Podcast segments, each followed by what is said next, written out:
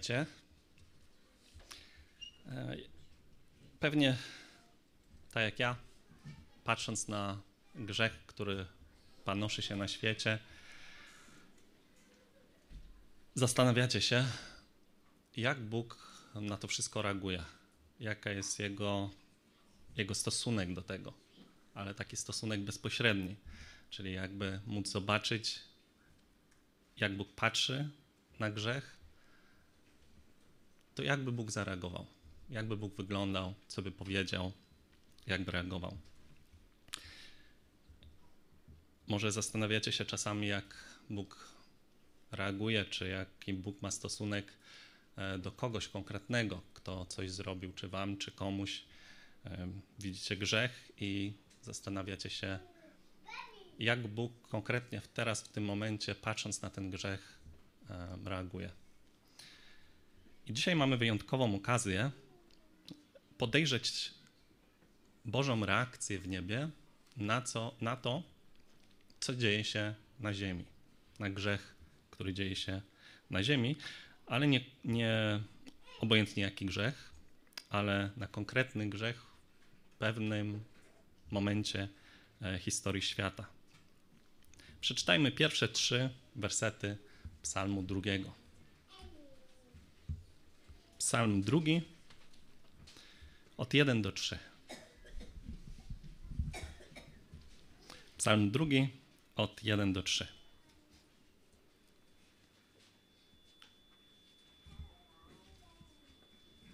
Psalm drugi, od 1 do 3. Czemuż to burzą się narody, a ludy myślą o próżnych rzeczach? Powstają królowie ziemscy i książęta zmawiają się z połem przeciw Panu i pomazańcowi Jego. Zerwijmy ich więzy i zrzućmy z siebie ich pęta. E, Dawid, Dawid przedstawia w tym psalmie trzy rzeczy. Trzy reakcje, trzy um, bunt narodów, reakcję Boga na to, reakcję króla i na końcu przestrogę i zachętę. A pierwsze trzy wersety odnoszą się do buntu narodów. Więc Dawid zaczyna od pytania: Czemuż to burzą się narody, a ludy myślą o próżnych rzeczach? I to słowo burzą e, oznacza zgiełk, który wydaje na przykład grupa ludzi, która razem zaczyna wołać, krzyczeć różne rzeczy. E, można to przetłumaczyć jako właśnie zgiełk, wrzawa, wzburzenie. I to wzburzenie to nie jest byle jakie wzburzenie, bo to jest oznaka buntu w tym przypadku, niezgody na pewien stan rzeczy. Narody, całe narody buntują się i podnoszą swój krzyk. Dalej czytamy, że to wzburzenie e, wiąże się nie tylko z emocjonalnym krzykiem, ale też z pewnym rozmyślaniem. Oni rozmyślają o próżnych rzeczach. Ale nad czym? Nad czym mogą rozmyślać całe narody? I dlaczego to jest próżne? Oni knują przeciwko Panu i pomazańcowi. Widzimy w drugim wersecie, zmawiają się z połem przeciw Panu i pomazańcowi Jego. Wyobraźcie sobie knucie i buntowanie się przeciwko Bogu i te, temu, którego Bóg wybrał. E, chyba nie ma większego bezsensu i grzechu.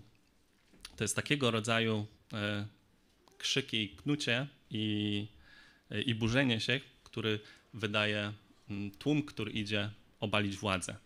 Mieliśmy w historii, nawet nie tak dalekiej, parę takich momentów, kiedy tłum szedł, może podburzany, podburzany przez jakichś liderów, przywódców i szedł obalić władzę.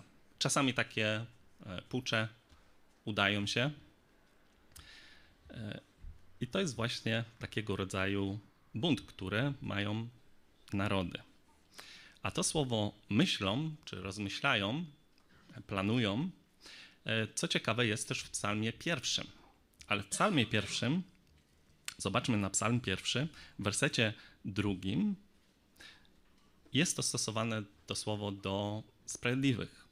Czyli sprawiedliwy ma upodobanie w zakonie Pana i zakon jego rozważa dniem i nocą. Rozważa, czyli kocha Słowo Boże, chce się jemu podporządkować, chce być mu posłuszny, a w przeciwieństwie do tego narody buntują się. Narody e, rozmyślają, ale nie po to, żeby być posłuszni. Narody rozmyślają po to, żeby, e, dlatego że e, nienawidzą i dlatego, że nie chcą być posłuszni. Sprawiedliwi kochają Boga, chcą Go poznawać, a narody nienawidzą Boga i sprzeciwiają się Jego słowu i Jego rządom. Ale nie są w tym osamotnieni. E, nawet przywódcy się buntują. Czytamy w drugim wersecie: Powstają królowie ziemscy i książęta zmawiają się z Połem przeciwko, przeciw Panu i pomazańcowi Jego. E, I taki, mm, taki bunt wielu królów izraelskich e, takie, taką przeciwność miało ze strony narodów i władców, ale żaden z nich nie doświadczał takiego ogólnoświatowego buntu, e, takiego spisku i takich przeciwności narodów.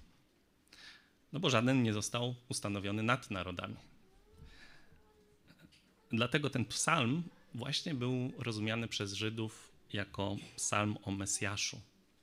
E, o tym, który wybawi ich od narodów i zaprowadzi na całej ziemi swoje panowanie. I taką interpretację tego psalmu znajdujemy w Nowym Testamencie. Piotr i Jan w dziejach e, trzecim rozdziale uzdrowili chromego od urodzenia, głosili Ewangelię. Oczywiście e, mówili, że oni zabili tego, który daje życie. Zostali aresztowani i postawieni przed Radą Najwyższą Izraela przed przełożonymi starszymi, uczonymi w piśmie, wszystkimi arcykapłani, arcykapłanami, więc e, nie mogło być większej e, władzy izraelskiej. I rada zakazała im głosić o Chrystusie, na co oni się oczywiście nie zgodzili. E, ale kiedy wrócili do innych wierzących, powiedzieli coś takiego. W dziejach czwartym rozdziale 24 do 28 przeczytam. Panie, Ty, któryś stworzył niebo i ziemię i morze i wszystko, co w nich jest, któryś przepowiedział przez Ducha Świętego ustami ojca naszego Dawida, sługi Twego, czemu wzburzyły się narody, a ludy myślały o próżnych rzeczach. Powstali królowie ziemscy i książęta zebrali się z połem przeciw Panu i przeciw Chrystusowi Jego. Zgromadzili się bowiem istotnie w tym mieście przeciwko świętemu synowi Twemu Jezusowi, którego namaściłeś, Herod i Poncjusz Piłat z poganami i plemionami izraelskimi, aby uczynić wszystko, co Twoja ręka i Twój wyrok przedtem ustaliło, żeby się stało. E, ale to powstanie, ten bunt, zaczął się przeciwko Jezusowi, on zaczął się już wcześniej. Zaczął się nawet od jego narodzenia czytamy, że Herod Wielki chciał zabić Jezusa, kiedy dowiedział się, że on jest obiecanym królem. Bo oczywiście to było przeciwko jego władzy, która była wtedy nad Izraelem. Herod e, Wielki e, wydał rozkaz, aby pozabijać wszystkie dzieci w Betlejemie i całej jego okolicy od dwóch lat i młodsze. Wyobrażacie sobie? Tak bardzo nienawidził, tak bardzo chciał zniszczyć tego króla. Oczywiście, jak wiemy, nie udało mu się tego zrobić, ale to był dopiero początek. To był przedsmak tej próżnej opozycji. Więc dalej syn Heroda Wielkiego, podobnie jak ojciec, Herod Antypas, też chciał zabić Jezusa.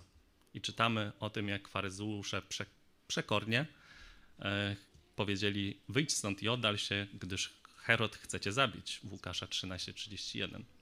Więc Herod Antypas, tak jak ojciec, taki jego syn, też chciał zabić Jezusa. Dalej, kapłani uczeni w piśmie też naradzali się i chcieli zabić Jezusa w paru momentach. E, czytamy też, że Herod, ten antypas, ten późniejszy, e, naśmiewał się z Jezusa, kiedy Jezus został pochwycony i nawet kazał go ubrać w dostojne szaty. To było, e, wydrwił go po prostu. E, dalej, jak e, Jezus e, stanął przed Piłatem, zgromadziły się dużo ludzi, tłumy, i to byli e, Izraelici, prozelici z Pogan, bo wtedy było święto, więc bardzo dużo ludzi wtedy przyszło. E, Może też poganie jacyś byli.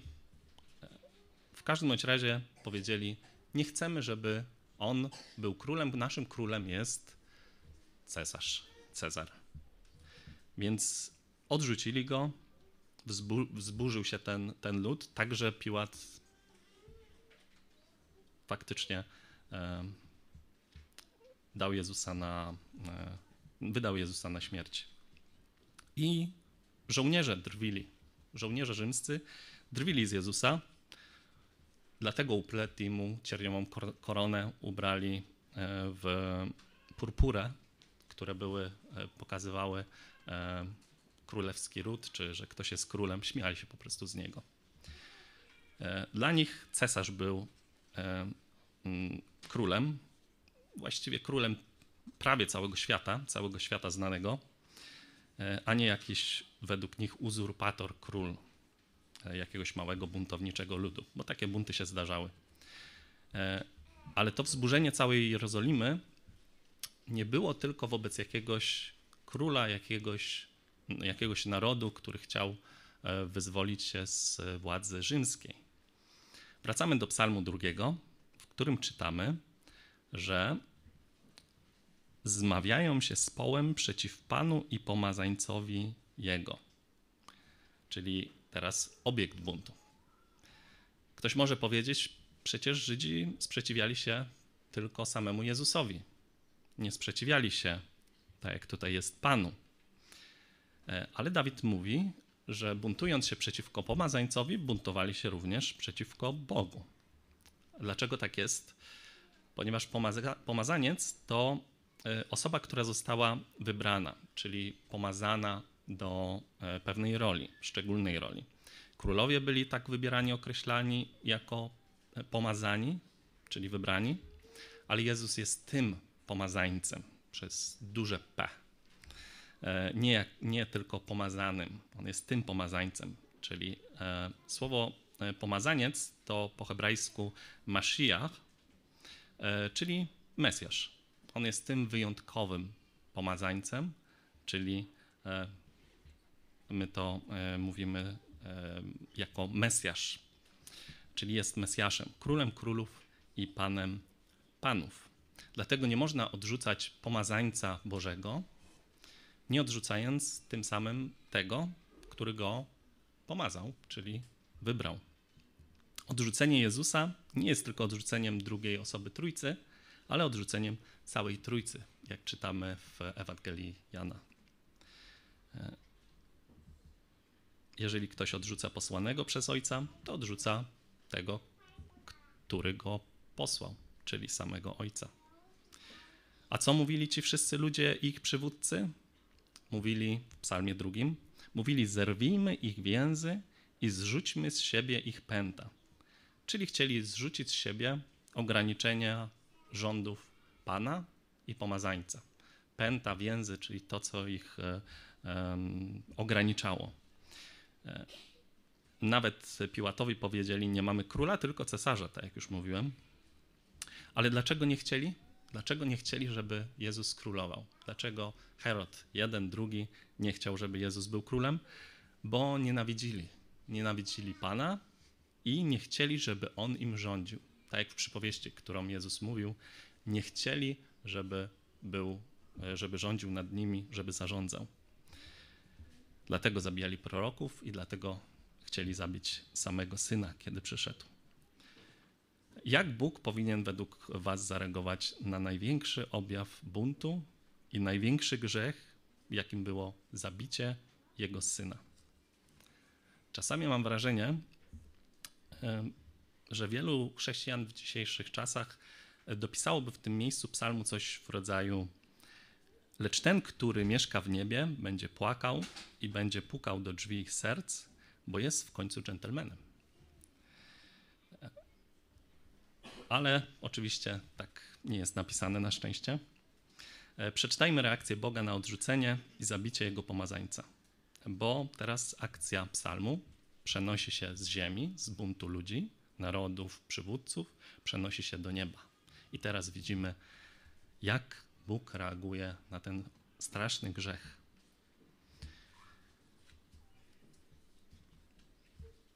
Ale zanim to zrobimy, pamiętajmy, że to był plan od początku. E, w dziejach, czwartym rozdziale, który przytoczyłem, w 28 wersecie jest napisane, że to, co oni zrobili, e, zebrali się, 28 werset, aby uczynić to, co Twoja ręka i Twój wyrok przedtem postanowiły, że ma się stać.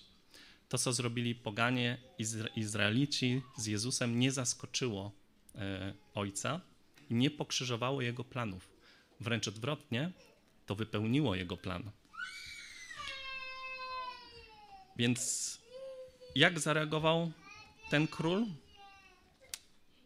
W wersecie czwartym czytamy: Ten, który mieszka w niebie, śmieje się z nich.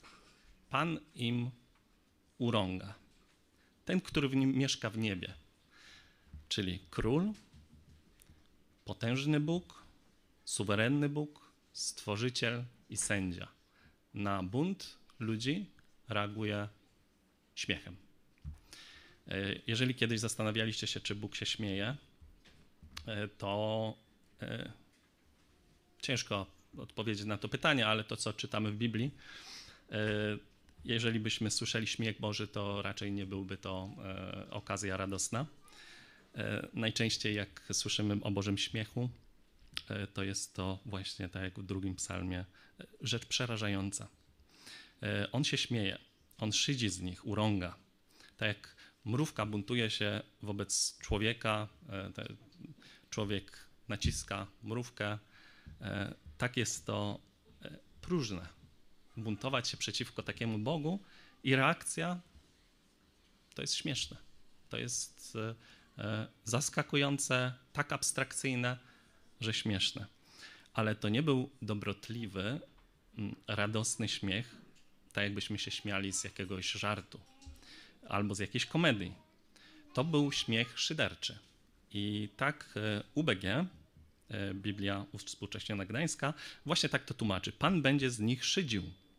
Oni się buntują przeciwko Panu i przeciwko Jego pomazańcu, pomazańcowi, a Pan się śmieje i urąga im, albo inaczej szydzi z nich, wyśmiewa ich. On śmieje się z próżnych prób obalenia go przez tych, tych ludzi, tych, na, tych narodów, tych e, przywódców. Ale na tym się nie kończy reakcja Boża. Czytamy dalej piąty werset. Wtedy przemówi do nich w gniewie swoim gwałtownością przerazi ich. Boży szyderczy śmiech przeradza się w gniew. E, to rodzaj gniewu i zapalczywości powodująca przerażenie, jak tutaj czytamy przerazi ich. E, to nie jest gniew, e, emocjonalny gniew, który jest takim nagłym wybuchem i tak jak wybucha, później ostyga. To nie jest gniew, który jest nieopanowany, które możemy my czasami doświadczać. Kiedy nas porywają emocje, kiedy dajemy się opanować, tak się mówi, a później stopniowo ten gniew wygasa. Najbardziej przerażające w Bożym gniewie jest to, że jest to świadome, stałe Boże nastawienie wynikające z Jego postawy wobec grzeszników. On w pełni panuje nad sobą i dlatego Jego gniew jest tak przerażający. Wyobraźcie sobie, jak przerażający jest sam wygląd Boga. Izajasz e, stoi przed Bogiem w e, Izajasza w szóstym rozdziale i widzi tron. Patrzy w górę i nie widzi nawet osoby siedzącej na tronie, widzi sam tron, taki jest wielki, olbrzymi. E, a wokół faluje tren, czyli e, dół szaty e, tego Boga. Kiedy Bóg zaczyna mówić, trzęsą się posady tej świątyni. I teraz pomyślcie, co będzie, jak on wstanie, żeby coś zrobić. A teraz pomyślcie, jak wstanie i chce, będzie chciał coś zrobić w gniewie.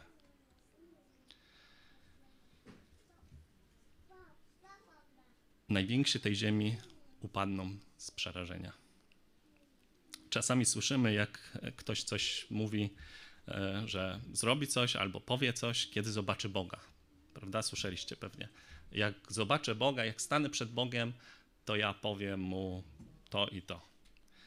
E, co to za próżne, głupie, pyszne i niebezpieczne myślenie.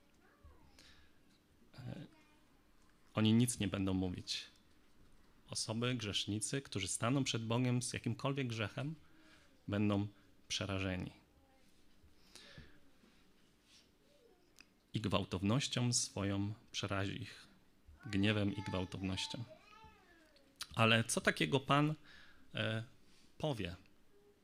Co właściwie, co powiedział na ten bunt przeciwko jego synowi? Jaka jest odpowiedź wszechmogącego na bunt całego stworzenia, przynajmniej tej ludzkiej części, przeciwko jego pomazańcowi? Bóg po prostu mówi, szósty werset, ja ustanowiłem króla mego na Syjonie, świętej górze mojej. Pewnie się nie spodziewaliście tego, nie?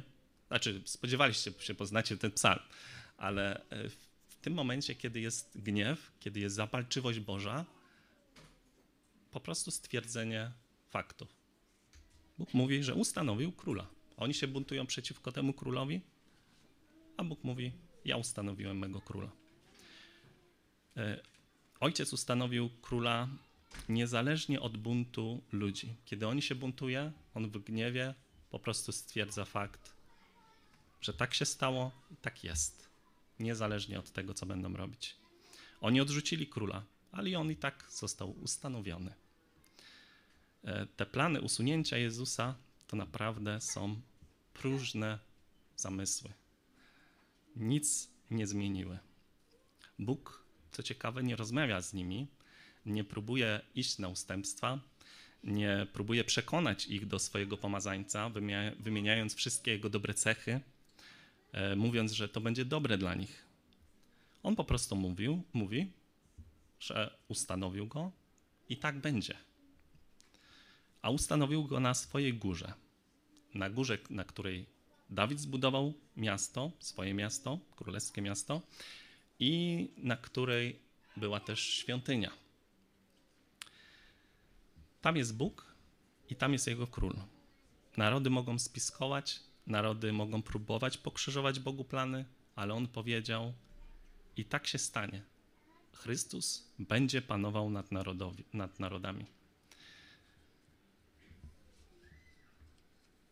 Teraz Dawid przechodzi do reakcji samego króla pomazańca. Czytamy siódmy werset do dziewiątego. Ogłoszę zarządzenie Pana. Rzekł do mnie: Synem moim jesteś, dziś cię zrodziłem. Proś mnie, a dam ci narody w dziedzictwo i krańce świata w posiadanie. Rozgromisz je berłem żelaznym, roztłuczesz jak naczynie gliniane. Zarządzenie e, to jest królewski rozkaz, prawo czy dekret, i tak w niektórych e, tłumaczeniach jest e, tłumaczone czyli rozkaz, prawo, dekret, który miał być ogłaszany i miał być wykonany. I w wielu przypadkach, na przykład w tym, e, nie, mo nie można było zmienić tego dekretu. To, co Bóg e, powiedział, jest pewne i nie dało się cofnąć, i żaden bunt, żaden bunt e, tego nie zmienił.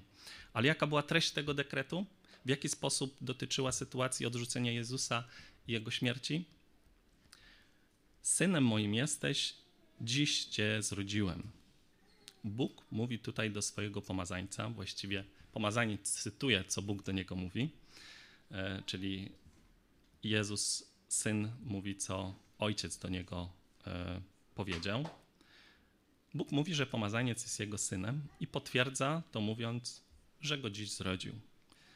E, trochę enigmatyczne określenie, dzisiaj cię zrodziłem, więc na początek powiem, co to na pewno nie znaczy. To będzie łatwiejsze. To nie znaczy, że Jezus został zrodzony fizycznie. To chyba nikogo nie dziwi, że to nie jest, że to nie znaczy. E, to nie jest zaskoczenie, e, bo nie może być mowy o fizycznym narodzeniu, ponieważ e, Bóg, Ojciec nie ma ciała, nie jest kobietą, więc nie jest to zrodzenie fizyczne, to na pewno. Czyli nie chodzi o literalne znaczenie tego słowa, tylko o metaforyczne. Kiedyś świadkowie mi powiedzieli, że no, ty traktujesz to metaforycznie, a my literalnie.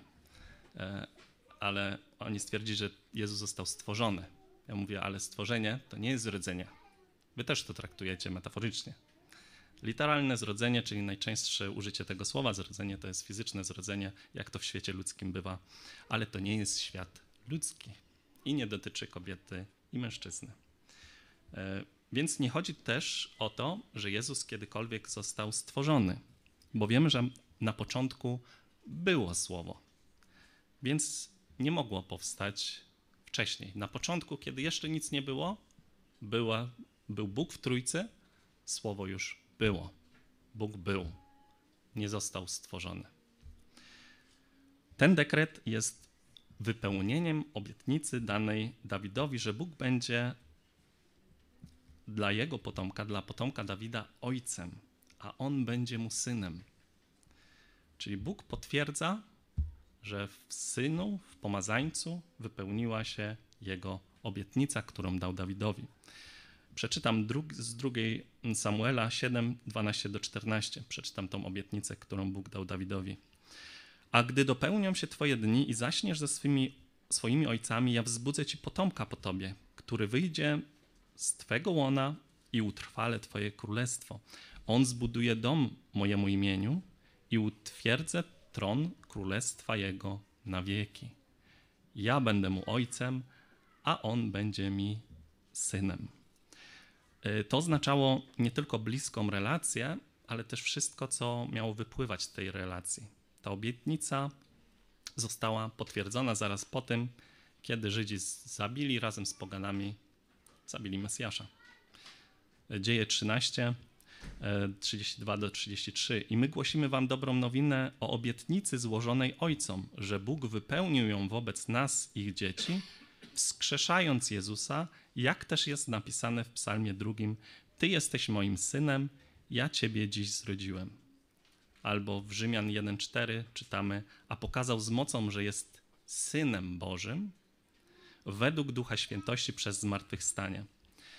Ta obietnica nigdy wcześniej nie została całkowicie wypełniona, bo w żadnym potomku e, Dawida tron, tron Dawida, nie mógł e, i nie był, nie mógł zostać utrwalony na wieki, ponieważ ci królowie umierali.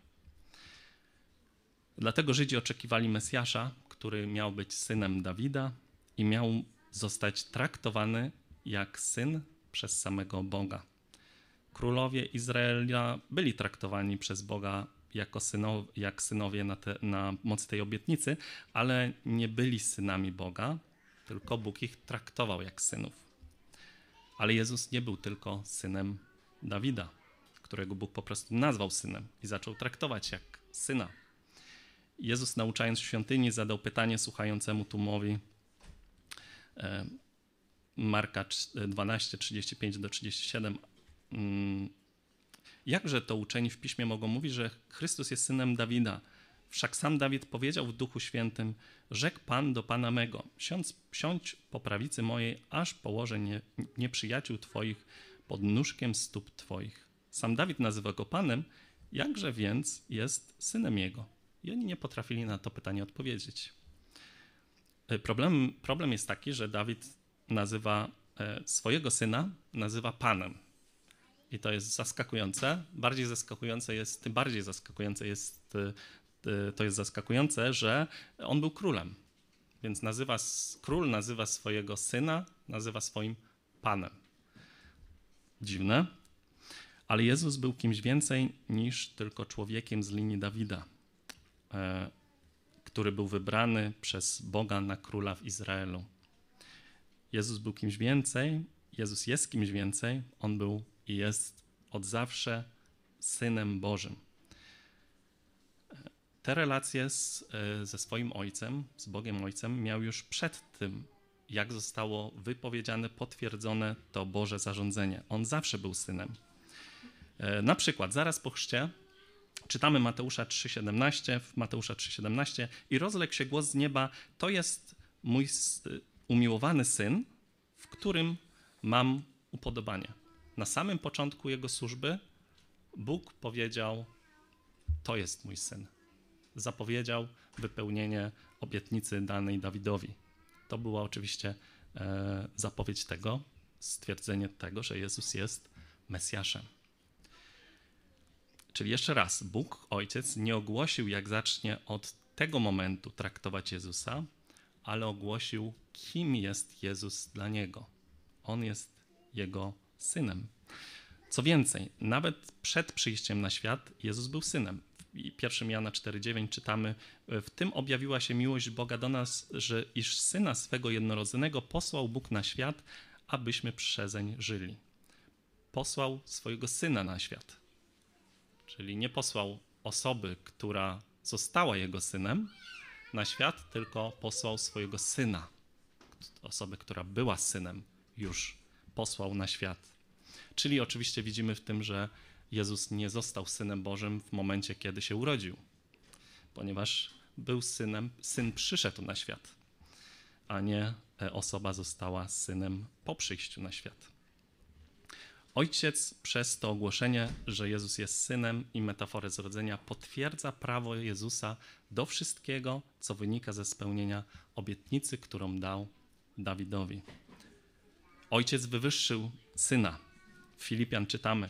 Dlatego też Bóg wielce go wywyższył i darował mu imię, które jest ponad wszelkie imię, aby na imię Jezusa zginało się wszelkie kolano na niebie, na ziemi i pod ziemią. I aby wszelki język wyznawał, że Jezus Chrystus jest Panem ku chwale Boga Ojca. Jezus uniżył się, stał się sługą i Ojciec go wywyższył, oświadczając, że jest Jego synem i jest Jego dziedzicem. Czyli rezultatem zarządzenia jesteś moim synem, dzisiaj cię zrodziłem, jest uzyskanie przez Jezusa prawa do wszystkiego, co należy do Ojca. Dlatego Jezus jest bezgrzesznym Synem Bożym, Mesjaszem, Królem Królów i Panem Panów, który ma prawo do wszystkiego, co należy do Jego Ojca. A czym jest to wszystko? Przynajmniej po, po części dowiadujemy się w kolejnym wersecie, ponieważ do Chrystusa należy wszystko, wszystko, co zostało stworzone. Ale zobaczmy, jak to Psalm drugi opisuje. Proś mnie, ósmy werset, Psalm drugi, ósmy werset. Proś mnie, a dam ci narody w dziedzictwo i krańce świata w posiadanie. Ojciec nie tylko ustanowił Jezusa Mesjaszem i królem, ale ogłosił, i ogłosił to oczywiście przez zmartwychwstanie, ale dał mu też dziedzictwo do panowania i królestwo do królowania. I to w tym dziedzictwie, na to dziedzictwo składają się narody, ludy razem z ich przywódcami. Te narody, które się buntowały, te narody zostały dane w posiadanie synowi. Bóg powiedział: To jest mój król, ja go ustanowiłem. On jest moim synem, to jest wypełnienie e, obietnicy danej Dawidowi. Będzie wiecznie królował i te wszystkie zamysły, te wszystkie próby e, zabicia go, próby e, buntu są próżne.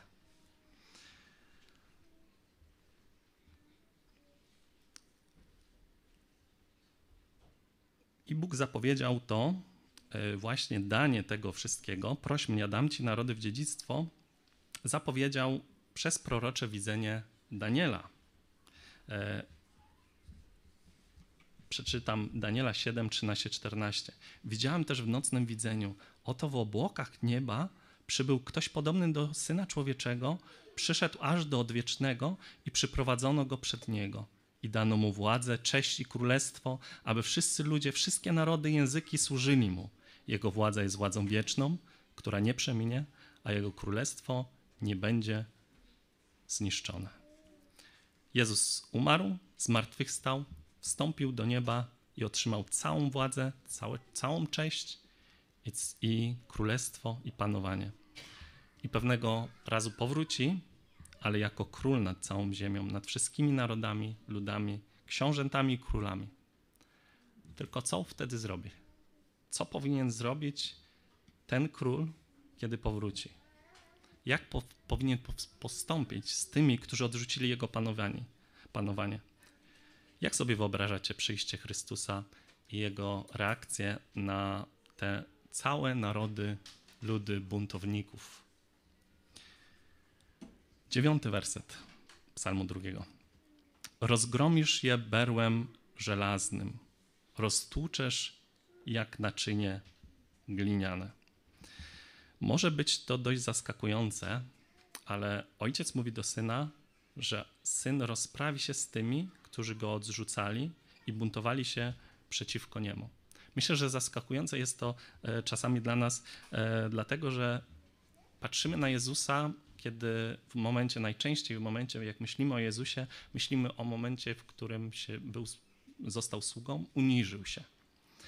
I zapominamy, że wtedy przyszedł w konkretnym y, czasie, w konkretnym celu, po to, żeby zbawić, po to, żeby szukać tego, co zginęło. Ale jego powrót będzie w innym celu. On powróci po to, żeby sądzić, po to, żeby rozprawić się ze swoimi przeciwnikami.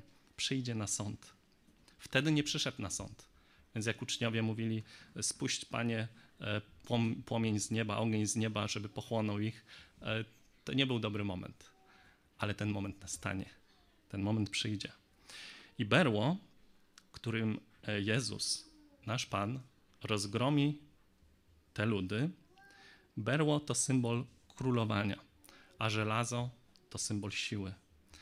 E, a te ludy, które się buntują, zostały porównane do delikatnych glinianych naczyń, które mogą być czymś twardym, berłem metalowym, roztłuczone bez żadnego problemu.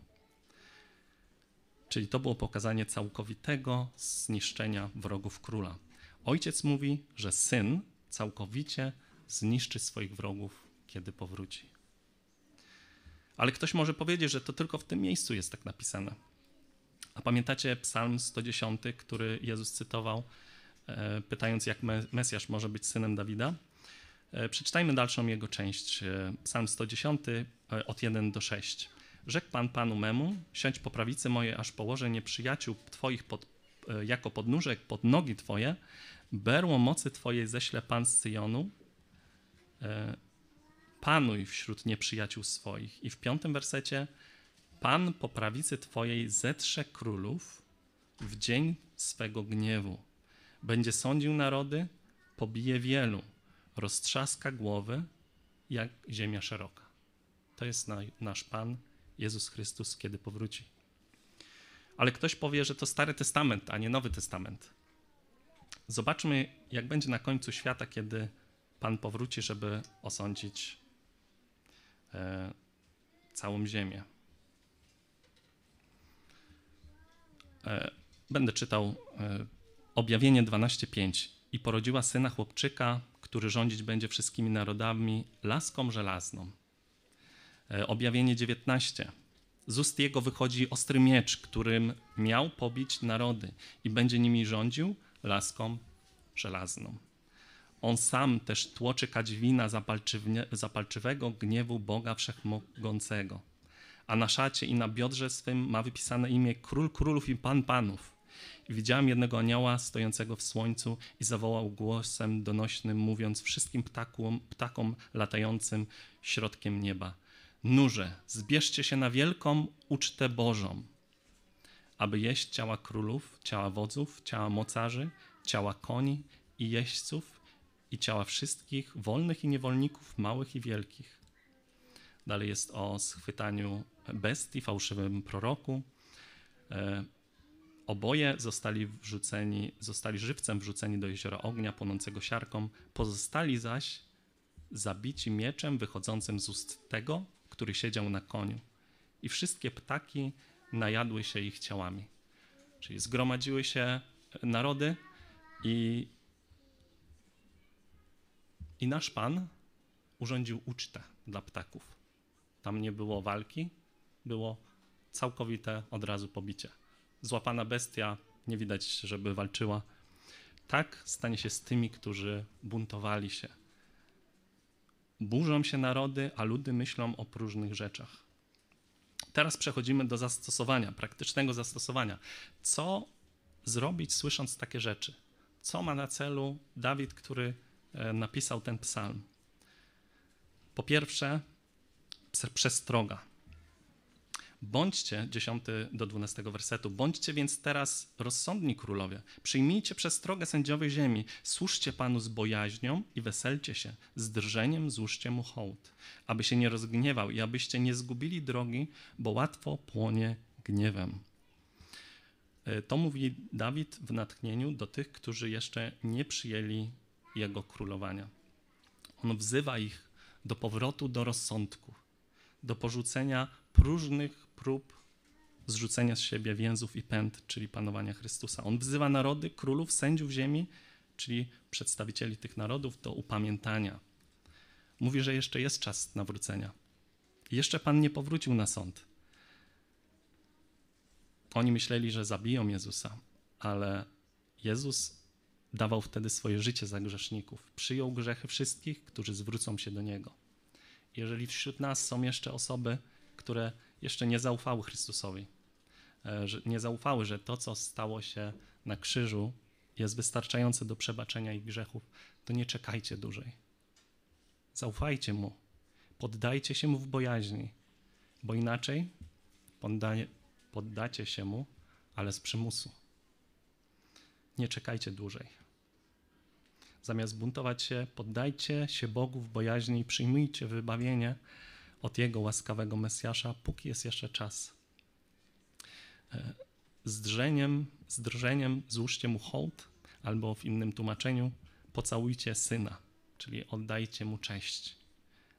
Ale jak osoba bliska, nie jak służący, który się z oddali kłania. Buntownicy są przestrzegani przed konsekwencjami swojego grzesznego życia i zachęcani do pełnego oddania, zwrócenia się do Chrystusa i służenia Mu z miłością i wdzięcznością za wybawienie z grzechów. A my wszyscy, którzy zaufaliśmy tak wielkiemu Bogu, służmy Mu z bojaźnią, ale nie taką, która drży przed karą, bo my wiemy, że nie ma kary dla tego, który ufa Chrystusowi.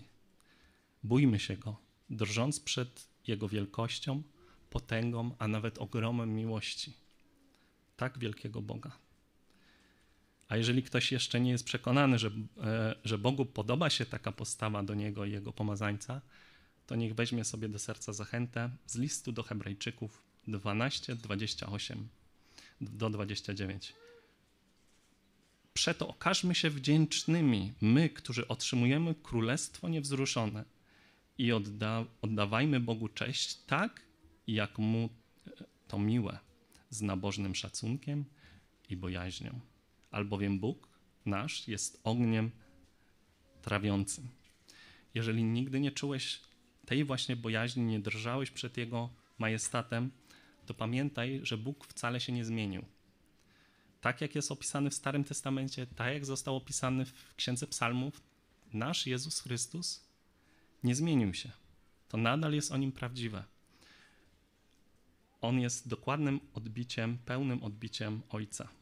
Ale to, co się zmieniło, to nasz status przed Nim, nasza pozycja przed Nim. Teraz możemy, tak jak Estera, przyjść do Wielkiego Króla i nie zginąć. Z drżeniem stanąć przed Nim, ale my możemy wiedzieć, ona może nie była pewna, ona miała nadzieję, że nie zginie, ale my jesteśmy pewni, że nie zginiemy.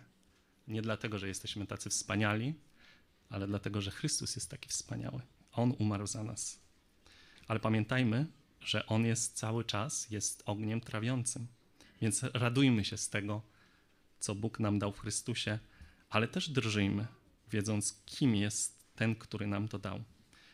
I oczekujmy Jego powrotu, Jego objawienia się, tego wiecznego królestwa.